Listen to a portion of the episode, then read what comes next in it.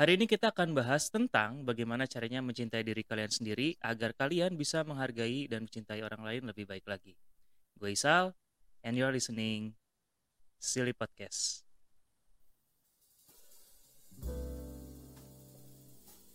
Oke, seperti yang udah kalian dengar, eh kok denger sih yang kalian lihat?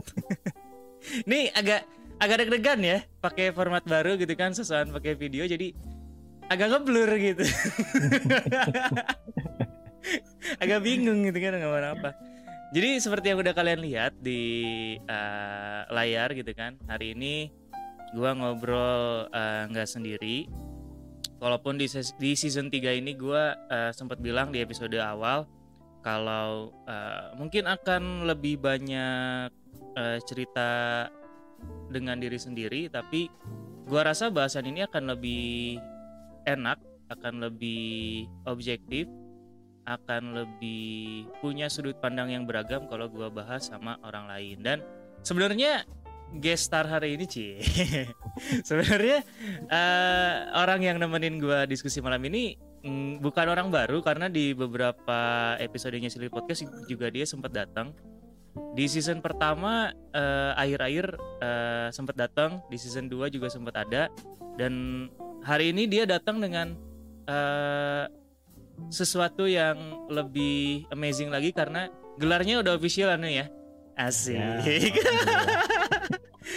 Jadi hari ini gue ditemenin sama Raden Muhammad Ibnu apa nih belakangnya gue lupa. Aduh, ini temen atau bukan? gue cuma apa sampai Ibnunya doang. Pokoknya yang jelas belakangnya udah ada empati psikolog. Wih, ya. gila. Alhamdulillah. Perjalanan Akhirnya. 4 tahun. Perjalanan 4 tahun ya. Jadi uh, di episode episode episode kemarin tuh uh, Ibnu emang masih kuliah S2 kalau teman-teman ada yang ngikutin Silly Podcast dari awal. Kalau belum boleh coba uh, swipe up ke bawah ya, swipe up ke bawah, dan swipe up biar bisa lihat Apa? episode yang lain gitu kan. Yang sebelum-sebelumnya. Sebelum-sebelumnya itu uh, ada beberapa episode yang gua collab sama Ibnu. Nah, sekarang gua collab lagi dan kita hari ini mau bahas tentang self love.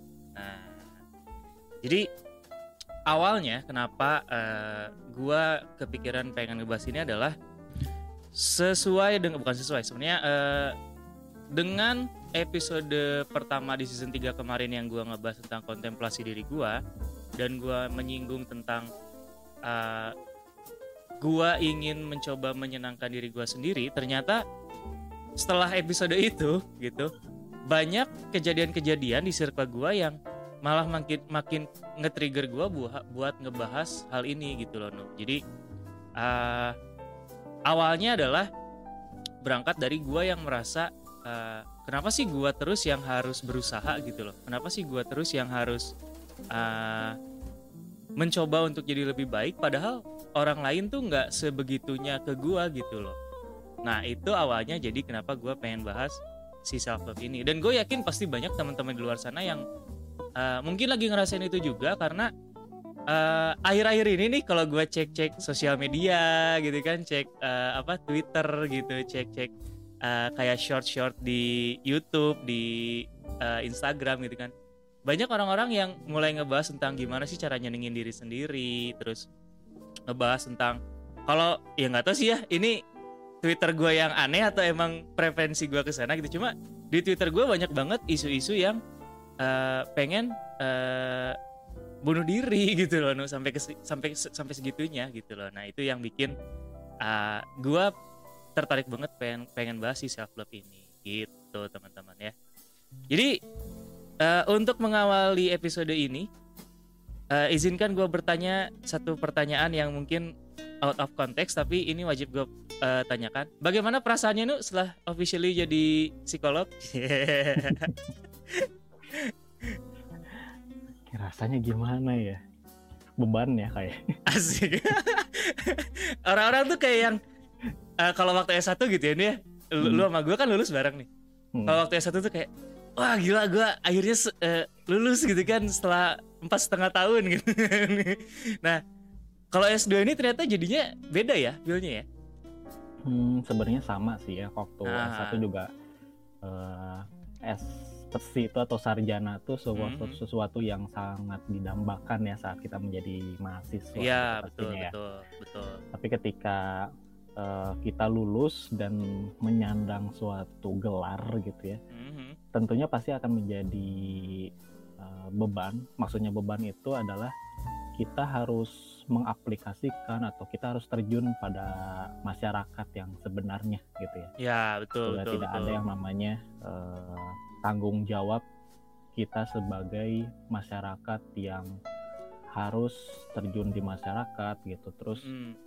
kerja gitu ya atau mengaplikasikan sesuai dengan eh, prodi kita gitu ya. Ya, betul, betul, betul. Mhm. Gue ngerasain banget sih.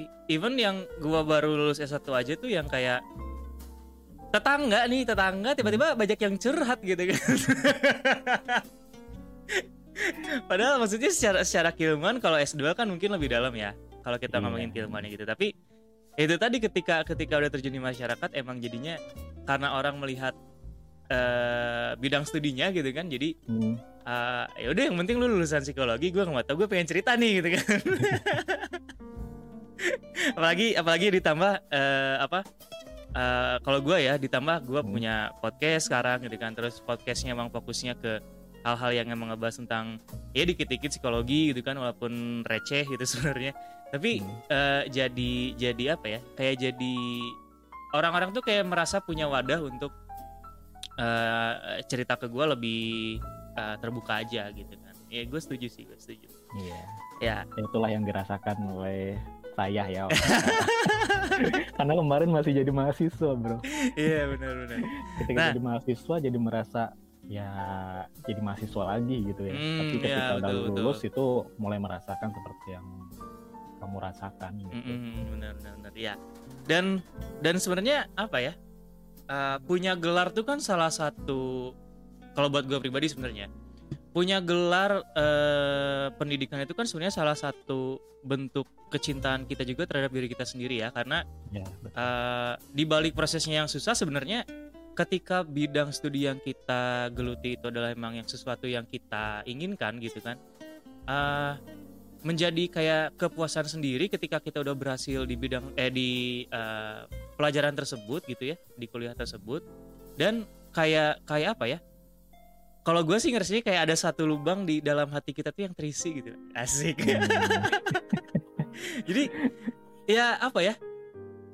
Semakin bisa menghargai diri sendiri aja gitu karena kita eh, merasa bahwa gue capable loh gitu. Gue punya kompetensi loh. Gue punya sesuatu yang bisa gue tawarkan ke masyarakat luas yang bisa bikin diri gue mungkin lebih dilihat lebih dipandang lebih dihargai dan lain sebagainya gitu kan sebenarnya.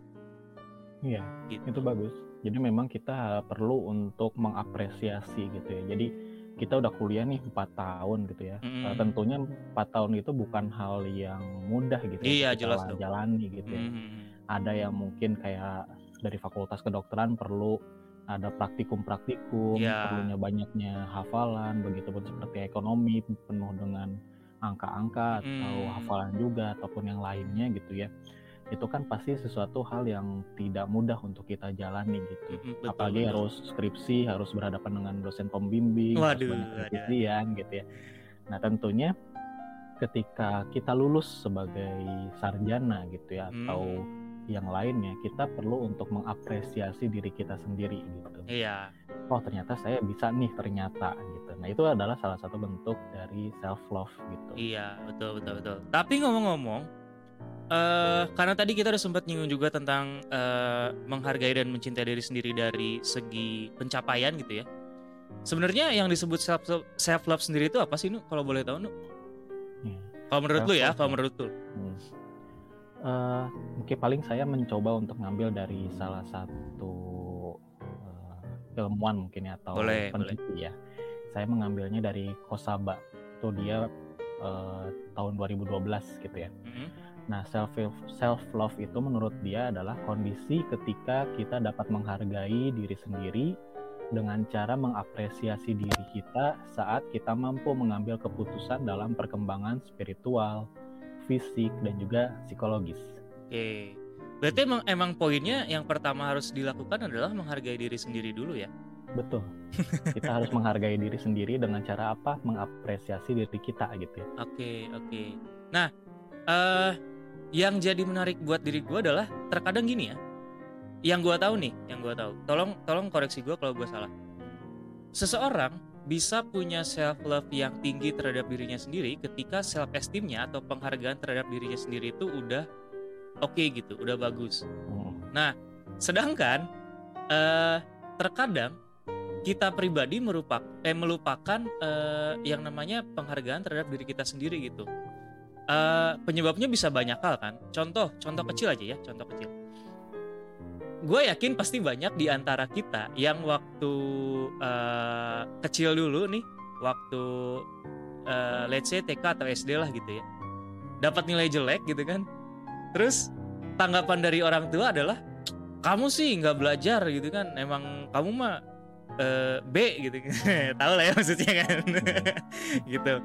Terus eh, ketika misalkan eh, kita ikut lomba gitu terus eh, kita belum bisa juara gitu ada beberapa orang tua yang nge-treat anaknya adalah kamu tuh eh, kurang berlatih makanya jadi nggak bisa berhasil gitu kan. Lihat tuh teman-teman kamu bla bla segala macam kayak gitu kan. Nah itu kan sebenarnya awal dari eh, yang namanya penghargaan terhadap diri sendiri kan. Kita dapat feedback apa dulu nih dari lingkungan positif atau negatif? Ketik- ketika kita menanggapi itu sebagai feedback yang positif dan kita eh, internalisasikan ke dalam diri kita gitu kan eh, penghargaan terhadap diri kita sendiri akan jadi positif kan. Contoh misalkan eh, ketika kita nilainya jelek dan orang tua kita eh, memberikan responnya adalah oke nggak apa-apa nilai kamu eh, hari ini jelek tapi kalau kamu berusaha lagi eh, bapak yakin eh, ke depannya nilai kamu akan lebih bagus lagi. Nah di situ kan mulai tumbuh kayak oh sebenarnya aku bisa kok cuma kemarin aku kurang latihan aja gitu kan. Itu kan sebenarnya bentuk dari esteem ya kalau yang gua tahu nih Nuni bener nggak sih sebenarnya konsepnya kayak gitu? Jadi berangkatnya dari penghargaan diri dulu baru bisa eh, mencintai diri sendiri gitu loh. Nah, sebenarnya untuk penghargaan diri itu merupakan salah satu aspek dari eh, mencintai diri kita sendiri. oke gitu. oke Sebenarnya itu adalah hal yang sebab akibat ya oke. bentuknya. Jadi ketika kita berusaha untuk eh, mencintai diri kita sendiri, Mm-mm. maka kita bisa eh, apa ya menghargai lebih menghargai apa pun yang dilakukan oleh orang lain. oke oke Jadi ketika mungkin tadi ya kita ambil salah satu contohnya kan ada dua contoh ya tadi orang Mhm. tuanya. Mm. Ada yang kamu harus kayak gini gini gini. Ada Ya. orang tua yang "Eh, oke nggak apa-apa kamu seperti ini. Nah sebenarnya bentuk yang kedua ini bentuk orang tua yang kedua yang oke kamu nggak apa-apa itu adalah bentuk bagaimana dia sudah mencintai diri dia sendiri Mhm. sudah menerima diri dia sendiri sehingga dia bisa menerima kekurangan yang dialami atau yang dimiliki oleh anaknya misalnya oke oke jadi itu adalah bentuk sebab akibat jadi eh, bagaimana nanti anak tumbuh eh, dari kecil menjadi besar Hmm. menjadi dewasa Mm-mm. bagaimana dia mendapatkan kehangatan dari keluarganya itu Hmm. adalah eh, jalan ke dia untuk bisa lebih mencintai diri dia sendiri.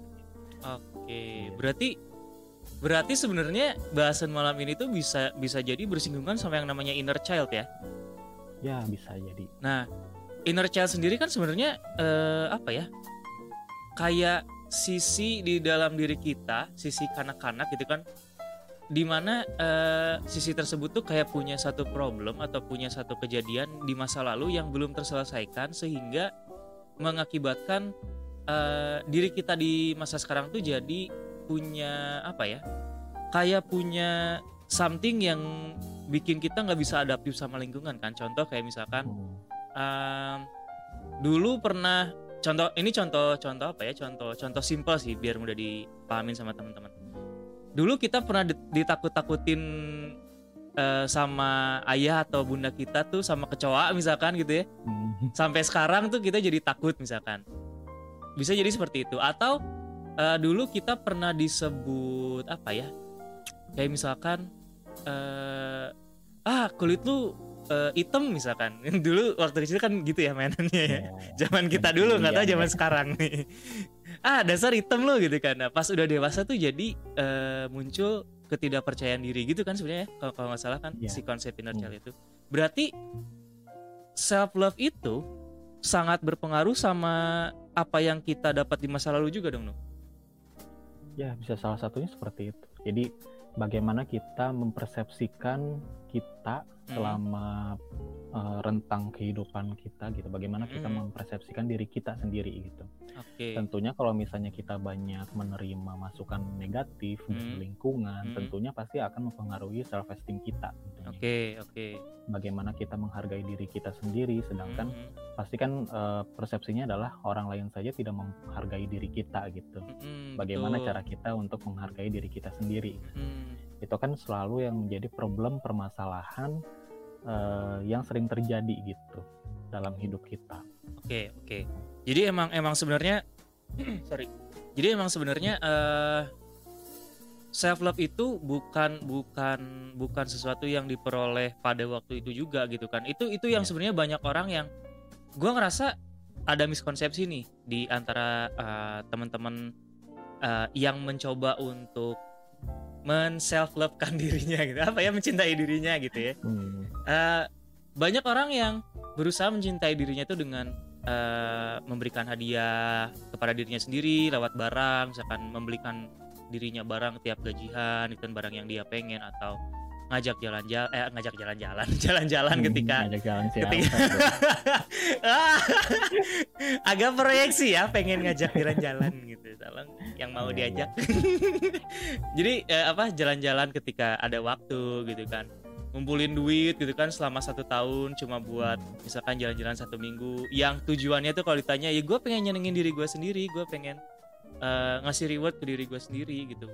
Sebenarnya bentuk-bentuk reward kayak gitu tuh salah satu self self love atau bukan sih Nu sebenarnya tergantung tujuannya. Jadi kalau misalnya kan tadi kan kita me- mendengar bahwa eh, yang dikatakan oleh Hosaba itu kan Hmm, mengapresiasi diri kita sendiri gitu. ya. oke Tentunya mengapresiasi diri kita sendiri perlu suatu tujuan. Mm-mm. Tujuannya apa dulu gini. Jadi kan misalnya eh, setahun dia udah bekerja keras misalnya. Oke, Selama satu tahun dia nggak ada libur sama sekali oke, misalnya. gitu ya. oke. waktu weekend tetap bekerja ataupun yang lainnya. Dia pengen nih satu hari dia bisa pergi jalan-jalan ke luar negeri Mm-mm. dengan alasan dia ingin uh, menyenangi diri dia sendiri itu adalah salah satu bentuk dari self love karena dia ada tujuannya. Gitu. Oke, oke. Yang oke. penting adalah ketika dia sudah uh, merawat diri dia sendiri itu kan dalam arti merawat ya. Ya. Jadi merawat diri kita sendiri itu adalah kita jalan-jalan gitu ya atau orang yang suka shoppingnya shopping gitu ya Hmm. ada yang mungkin hal-hal yang lainnya makan-makan atau seperti apa yang penting adalah ketika dia melakukan perawatan diri dia bisa lebih optimal lagi dia bisa lebih, lebih siap lagi dengan tantangan di depannya gitu Oke, oke, oke, oke. Nah. agar eh, mental kita lebih sehat lagi sebenarnya Oh, berarti berarti goal akhirnya ke sana ya. Balik Ya, lagi ke eh, mental health berarti ya. Hmm. Yang jadi yang jadi apa ya? Yang jadi keresahan gua adalah ternyata banyak orang yang sudah mengeluarkan uang begitu banyak gitu kan ya. Membeli eh, tas-tas bermerek gitu kan. Sneakers mahal ya. Gadget-gadget terbaru gitu dengan dengan dengan dalih ingin menyenangkan diri sendiri pada akhirnya mereka sendiri pun tidak merasakan kesenangan itu gitu. Lu lu lu pernah denger ini gak sih nu Eh, pepatah ini sempat sempat rame gitu. Eh, ada seseorang yang eh, beli mobil Ferrari kaya banget, dia pengusaha sukses terkenal masih muda gitu kan, punya pacar cantik. Tapi ujung-ujungnya dia nangis di Ferrarinya sendiri. Dan ketika dia tanya lu ngapain beli Ferrari? Tapi lu nangis eh sekenceng-kencengnya kayak gitu. Nggak masalah yang penting gue bisa nangis di dalam Ferrari gue gitu.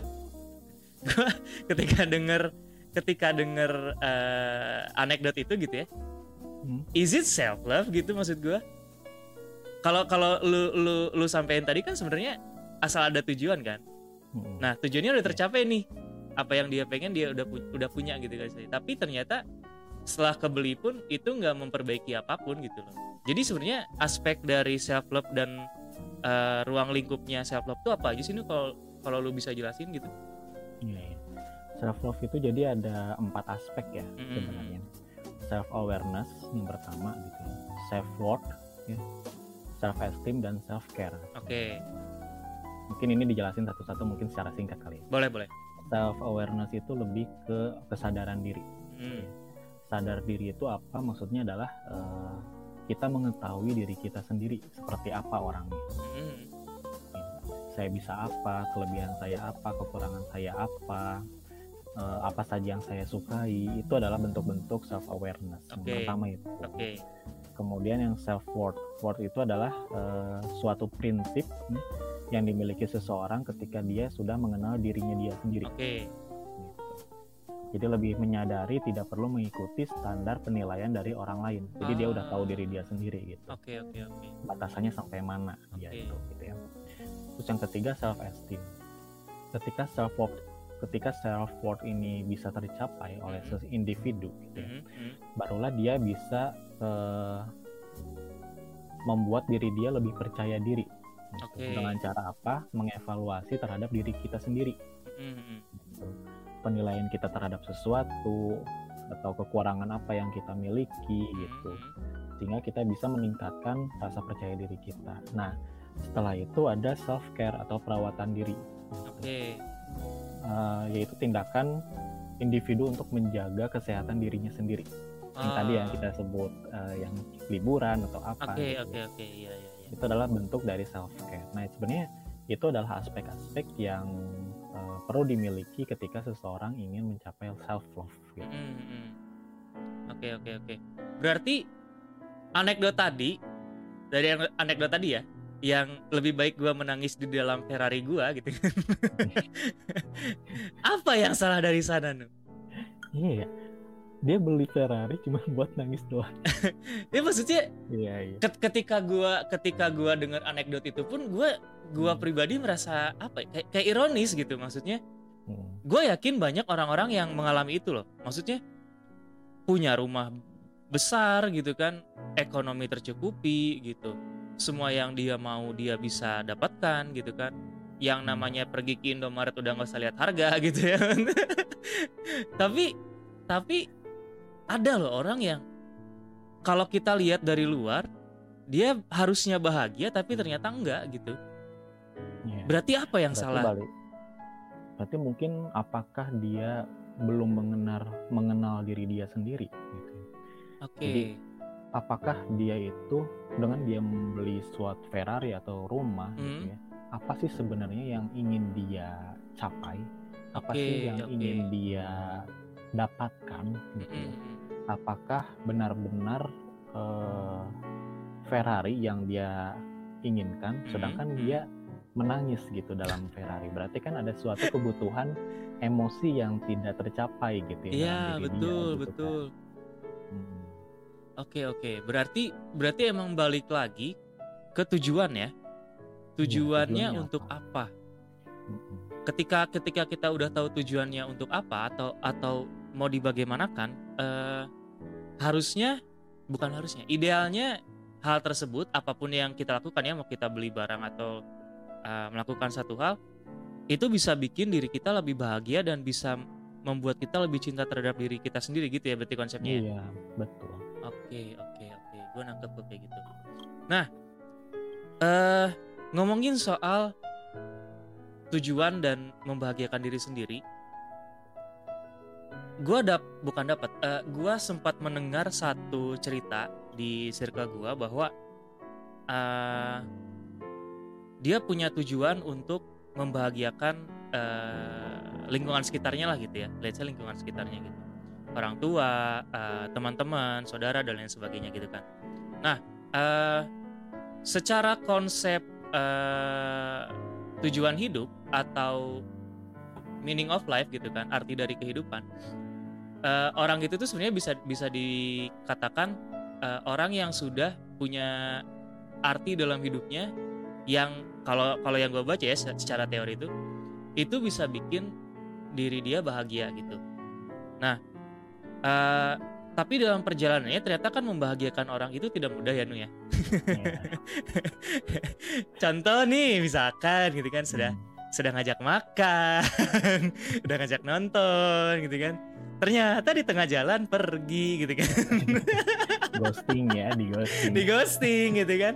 Maksudnya kan itu itu contoh kecil di mana eh tujuannya udah jelas uh, cara untuk ke sananya udah oke okay, gitu kan hmm. tapi ternyata ketika perjalanannya orang tersebut malah nggak ngerasa diri dia bahagia gitu kan malah kebalikannya malah jadi depresi gitu loh nah mungkin nggak sih uh, orang yang belum bisa mencintai dirinya sendiri itu arahnya ke depresi Hmm, bisa jadi ya.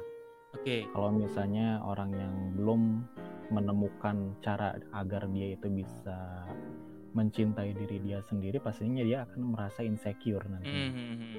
ya, ketika dia dalam keadaan insecure dan menerima hal-hal yang negatif dalam diri dia sendiri, gitu, ya, pengalaman-pengalaman mm -hmm. ataupun perlakuan, gitu. -hmm.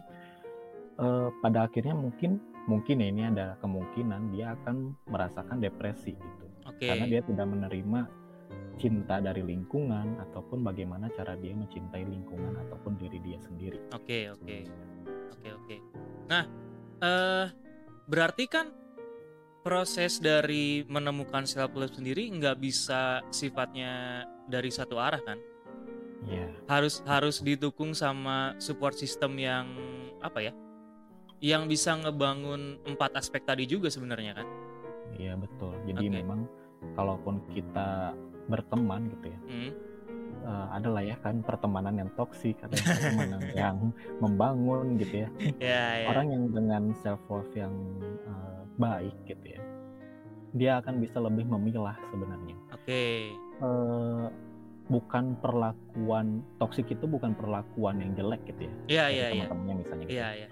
tapi ya bagaimana pertemanan ini mempengaruhi diri dia sendiri gitu. mm -hmm tentunya ketika dia mendapatkan suatu lingkungan yang bisa lebih membangun diri dia sendiri menjadi arah yang positif, hmm. itu akan lebih menguatkan bagaimana cara dia nanti akan mencintai diri dia sendiri. Oke, okay.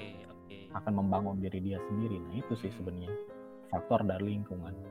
Oke, okay, oke, okay, oke. Okay. Nah itu ya, itu itu poin pentingnya sih. Uh, terkadang kan uh, kita mencari informasi itu bukan kita sih. Uh, ya hampir-hampir semua dari kita lah gitu ya terjebak dengan informasi yang uh, hanya dari satu bubble gitu jadi nggak hmm. nggak keluar dari bubble yang lain banyak orang yang uh, menyangka kalau pertemanan yang toksik itu adalah pertemanan yang contoh contoh ya uh, teman-temannya tukang mabuk misalkan ya uh, atau gimana sebenarnya oke okay, itu salah satu bentuk toksik tapi uh, yang disebut toksik toksik di sini itu adalah bagaimana cara lingkungan kita itu merespon terhadap hal-hal yang kita lakukan terhadap lingkungan gitu. Contoh, kayak contoh kecil tadi yang yang tentang masalah orang tua ya yang tadi di awal.